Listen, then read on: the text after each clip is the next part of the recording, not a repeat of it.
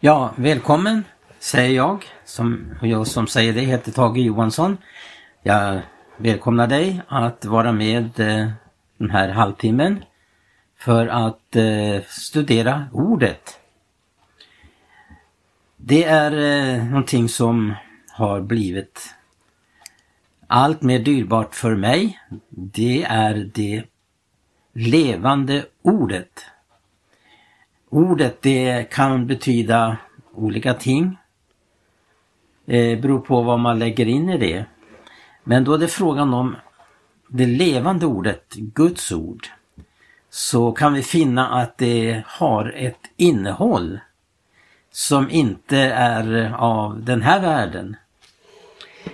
För att eh, verkligen förstå vad Guds ord är så måste man begrunda vad som eh, står i Johannes evangeliums första kapitel. Och Aposteln Johannes börjar sitt brev så här. Det är alltså från första versen i första kapitlet. I begynnelsen var ordet och ordet var hos Gud och ordet var Gud. Ja, man kan läsa det här rakt upp och ner men att eh, få uppleva hur den heliga Ande levandegör det här som ett innehåll så blir det någonting oerhört för oss. Och det är det här framförallt det som står i senare delen utav den här versen. Och då det står så här och ordet var Gud. Ordet var Gud. Detsamma gäller för Jesus Kristus som kom ned i människogestalt. Så står det längre fram i samma kapitel i vers 14. Och ordet, Gud alltså, vart kött. Guds son blev kött. Det föddes och blev kött och tog sin boning ibland oss och vi såg hans härlighet. Vi såg liksom en enfödd sons härlighet från sin fader och han var full av nåd och sanning. Ordet vart kött, det ordet som var hos Gud och som är Gud. Tänk att ordet är Gud. Det är väldigt viktigt att eh, verkligen få uppleva det som en realitet i ens liv. Därför att det är meningen att eh, vi ska få del av Gud.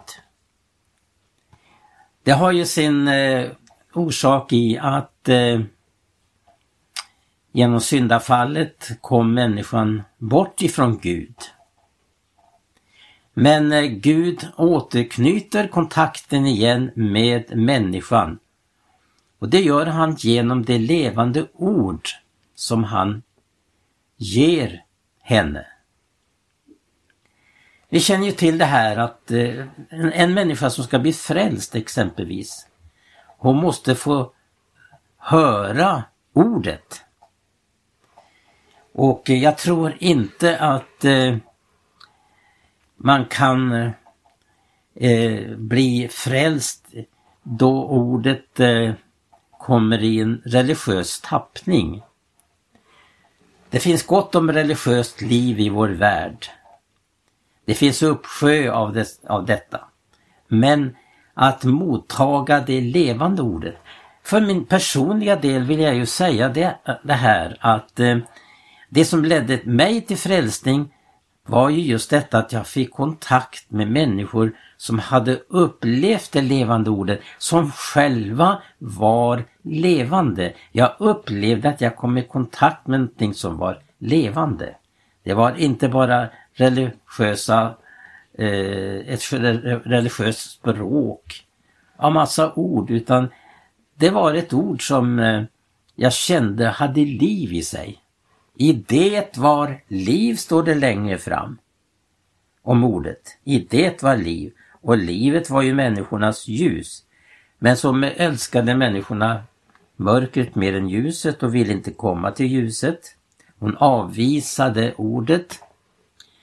För det, det som händer efter syndafallet, det första som händer är ju detta att människan nås utav ett ord. Och det ordet kom från Gud. Och Gud, Guds ord var detta, vad är du? Gud ville åter knyta kontakten med människan. Eh, leva i en levande förbindelse med människan. Därför skapade ju Gud människan för att han skulle leva tillsammans med henne. I glädje och harmoni. För att inte uppehållas vid det tragiska med syndafallet så får vi då gå vidare och uppleva att Gud kallar på människan. Och eh, då det handlar om, då Bibeln talar ju om frälsning. Och vad som leder till frälsning är just det här att hon tar emot ordet. När Petrus hade predikat på pingstdagen så upplevde man ett styng i sina hjärtan och så står det att det då som tog emot ordet lät att döpa sig. Eh, Petrus säger att Guds ord det är ett utsede, ett levande, oförgängligt sede som kan sås i ett människohjärta. Men vi vet att Jesus undervisade om det här, om såningsmannen som går ut och sår hur ordet faller i olika hjärtats eh, omständigheter. Om det är en, ett berggrund, om det är törst och tistel och törnen som kväver ordet, eller det kommer fåglar och äter upp ordet. Ja, man tillåter alltså djävulen, han som Eh, en bild här på fåglar som kommer. Det, det finns i sådana liknelser på flera ställen. Hur fåglar kommer och bygger bo till exempel i trädet. Främmande läror. Det handlar också om ord. Ord som är avledande. Och upprinnelsen till syndafallet är ju just detta att det kom andra ord än Guds levande ord som var rådande i lustgården. Lustgården kom till genom att Gud sa det levande ordet skapade allt detta. Allt har blivit skapat genom ett ord från Gud, står det i Hebreerbrevet. Guds ord är alltså, har i sig en skapande kraft. Därför den som tar emot ordet, det levande ordet, Eh, och eh, eh, tar emot det till frälsning, blir verkligen frälst och upplever detta ord att det är ett oförgängligt sede som hon tar emot och som gör att hon upplever detta stora under att födas på nytt. Man blir frälst genom ordet. Ja, Petrus skriver ju också att eh, vi har blivit födda genom Guds levande ord.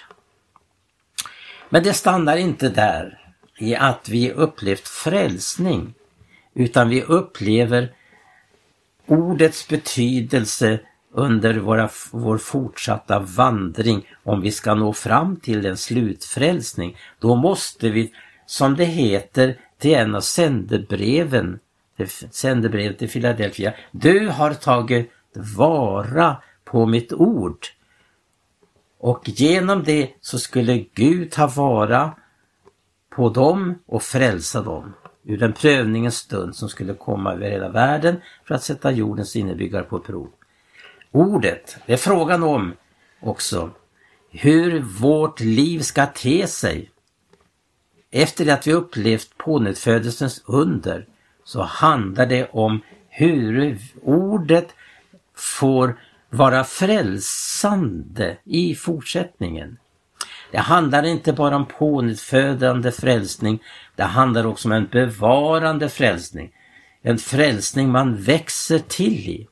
För Petrus, eh, eller det, eh, ja det är Petrus som säger så här att längta efter att få den andliga oförfalskade mjölken på att genom den må växa upp till frälsning.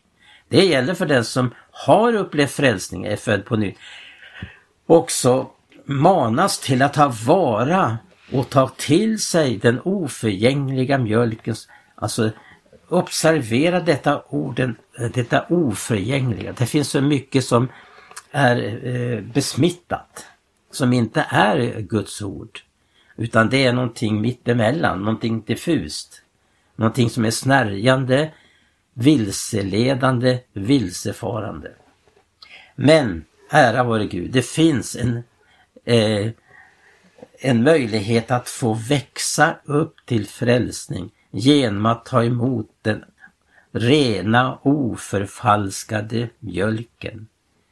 Det är alltså en bild som Petrus använder på mjölk, eh, obesmittad mjölk, ära vare Gud. Vi skall ju förbliva i ordet. Det var grundtonen i apostlarnas vittnesbörd efter pingstupplevelsen i Jerusalem att hålla fast vid Guds ord. Detta med att hålla fast vid Guds ord är så oerhört viktigt. Därför att hela tiden under vår vandring kommer vår tro att sättas på prov. Men om vi då ser genom Guds folks historia så får vi klart och tydligt se att även om inte man har eh, hela, vad ska, som man eh, kallar det, mönsterbilden till exempel på församlingen eller för den enskilde. Att bygga på ordets grund. Att vara vis såsom den som byggde sitt hus på Hälleberget. Och detta hus det bestod när påfrestningarna kom, strömmarna kom, vattenströmmarna, vindarna, ovädret kom. Som i alla, alla som är en levande kristen får uppleva. Men har man byggt på ordets grund, har man gjort, som Jesus avslutade här liknelsen, att var och en som gör efter ordet han är lik en förståndig man som byggde sitt hus på Hellebergets grund. Hellebergets grund är ju ordet. Men nu måste jag verkligen eh, understryka att eh, eh, det har ju inte alltid varit så att, att eh, man har haft hela Guds fulla sanning klart för sig. Man kanske bara har haft en del. Och så har det ju varit med varje väckelserörelse att Gud har välsignat trots att man inte har haft hela bilden klar för sig. Utan det handlar om en utveckling. Väckelsehistorien handlar om en utveckling där man kommer fram till eh, vad Guds ord säger om det ena och det andra fallen. Ta bara ett exempel som att eh, eh, hur barndopsuppfattningen är djupt grundad. Och till och med att det som kanske har upplevt frälsning kommer aldrig vidare för man aldrig fått en sann undervisning om dopet. Dopet är Kristus. Detta dop som sker genom en nedsänkning, en begravning,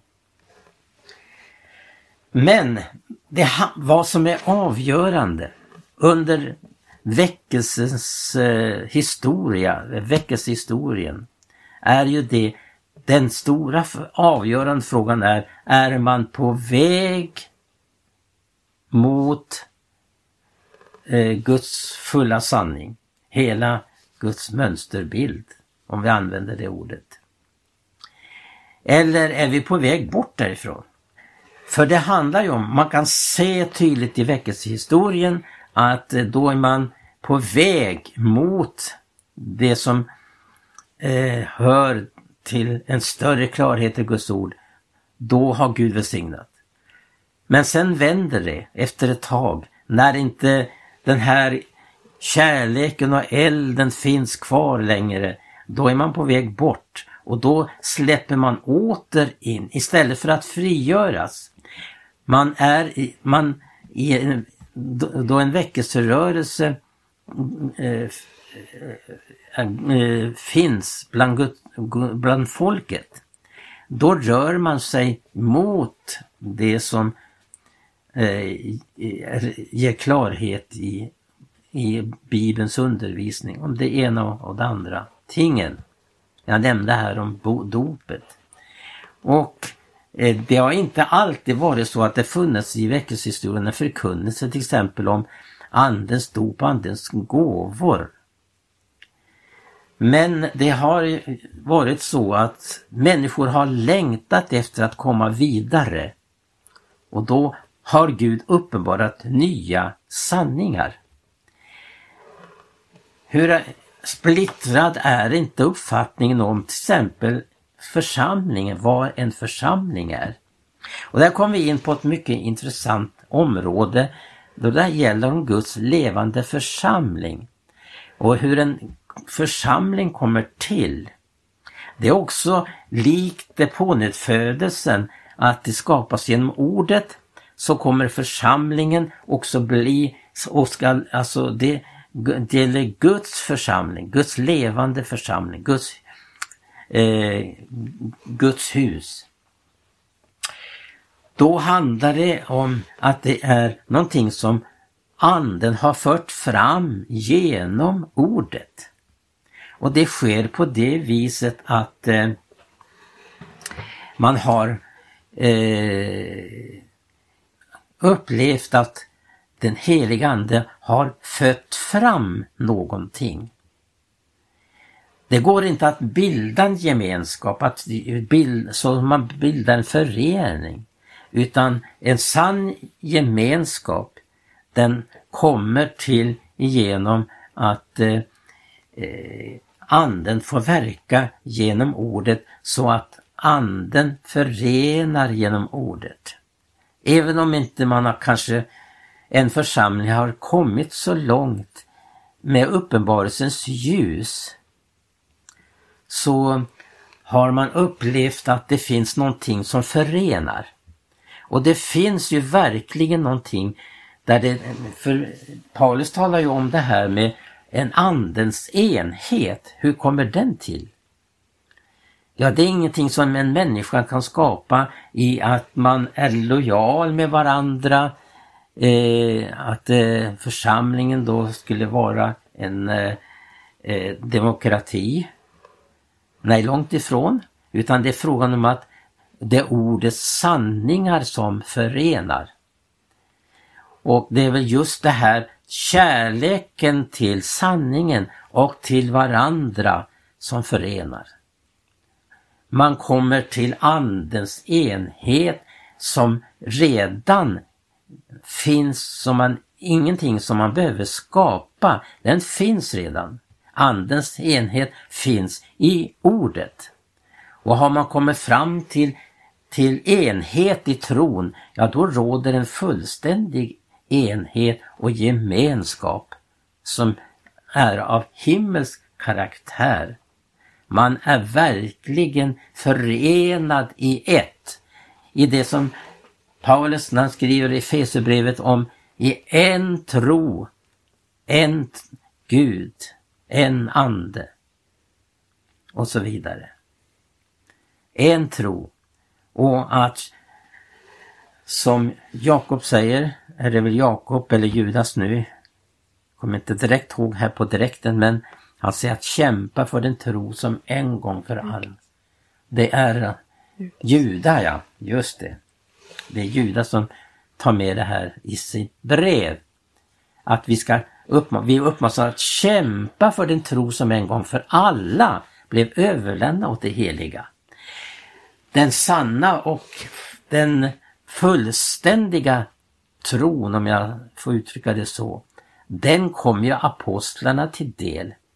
De mottog eh, den hela och fulla eh, sanningen genom den heliga Andes smörjelse. De upplevde den heliga Andes smörjelse på så sätt att den ledde dem fram till hela och fulla sanningen. När vi tänker på hur dyrbart Guds ord här, ja då måste man ju gå till psalm 119. Och här talas det verkligen om eh, be, eh, ordets betydelse. Till exempel så står det så här, den här hela den här salmen handlar ju om eh, det frommas rika tröst i Herrens ord. Och där får vi ett, eh, eh, eh, ett, ett tydligt vittnesbörd om, om, om vad ordet betyder för oss. Då det står så här i nionde versen. Hur skall en yngling bevara sin väg obesmittad? Frågetecken. Och så kommer svaret. När han håller sig efter ditt ord. Och det står också hur Salmisten upplever Guds ord. Och han upplever det på det viset att ordet får vara våra fötters lykta och en ljus på vår stig. För hela Guds folks historia så handlar det om hur man står i förhållande till Guds ord. Vad är den olyckan för Guds folk i Gamla Testamentet? Till exempel. Problemet var ju detta när man avvek från ordet som det blev problem.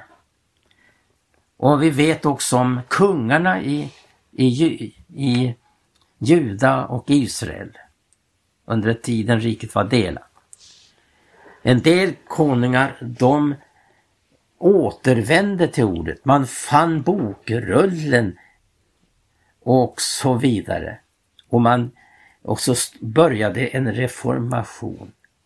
Och hur kämpade inte Nehemja för att återupprätta ett sant förhållande till den heliga skrift som Gud hade givit sitt folk.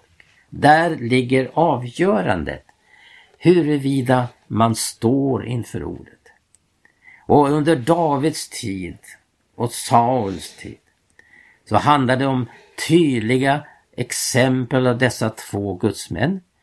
Hur den ena ville inte lyssna till profetens ord.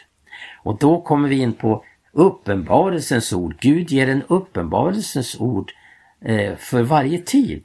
Och det är väldigt viktigt att eh, vara med om, medveten om betydelsen av som står i varje sändebrev att den som har öra, han hör vad anden säger till församlingen. Gud ger det profetiska ordet också under resans gång för oss och den kamp som församlingen har att ha vara på det profetiska ordet.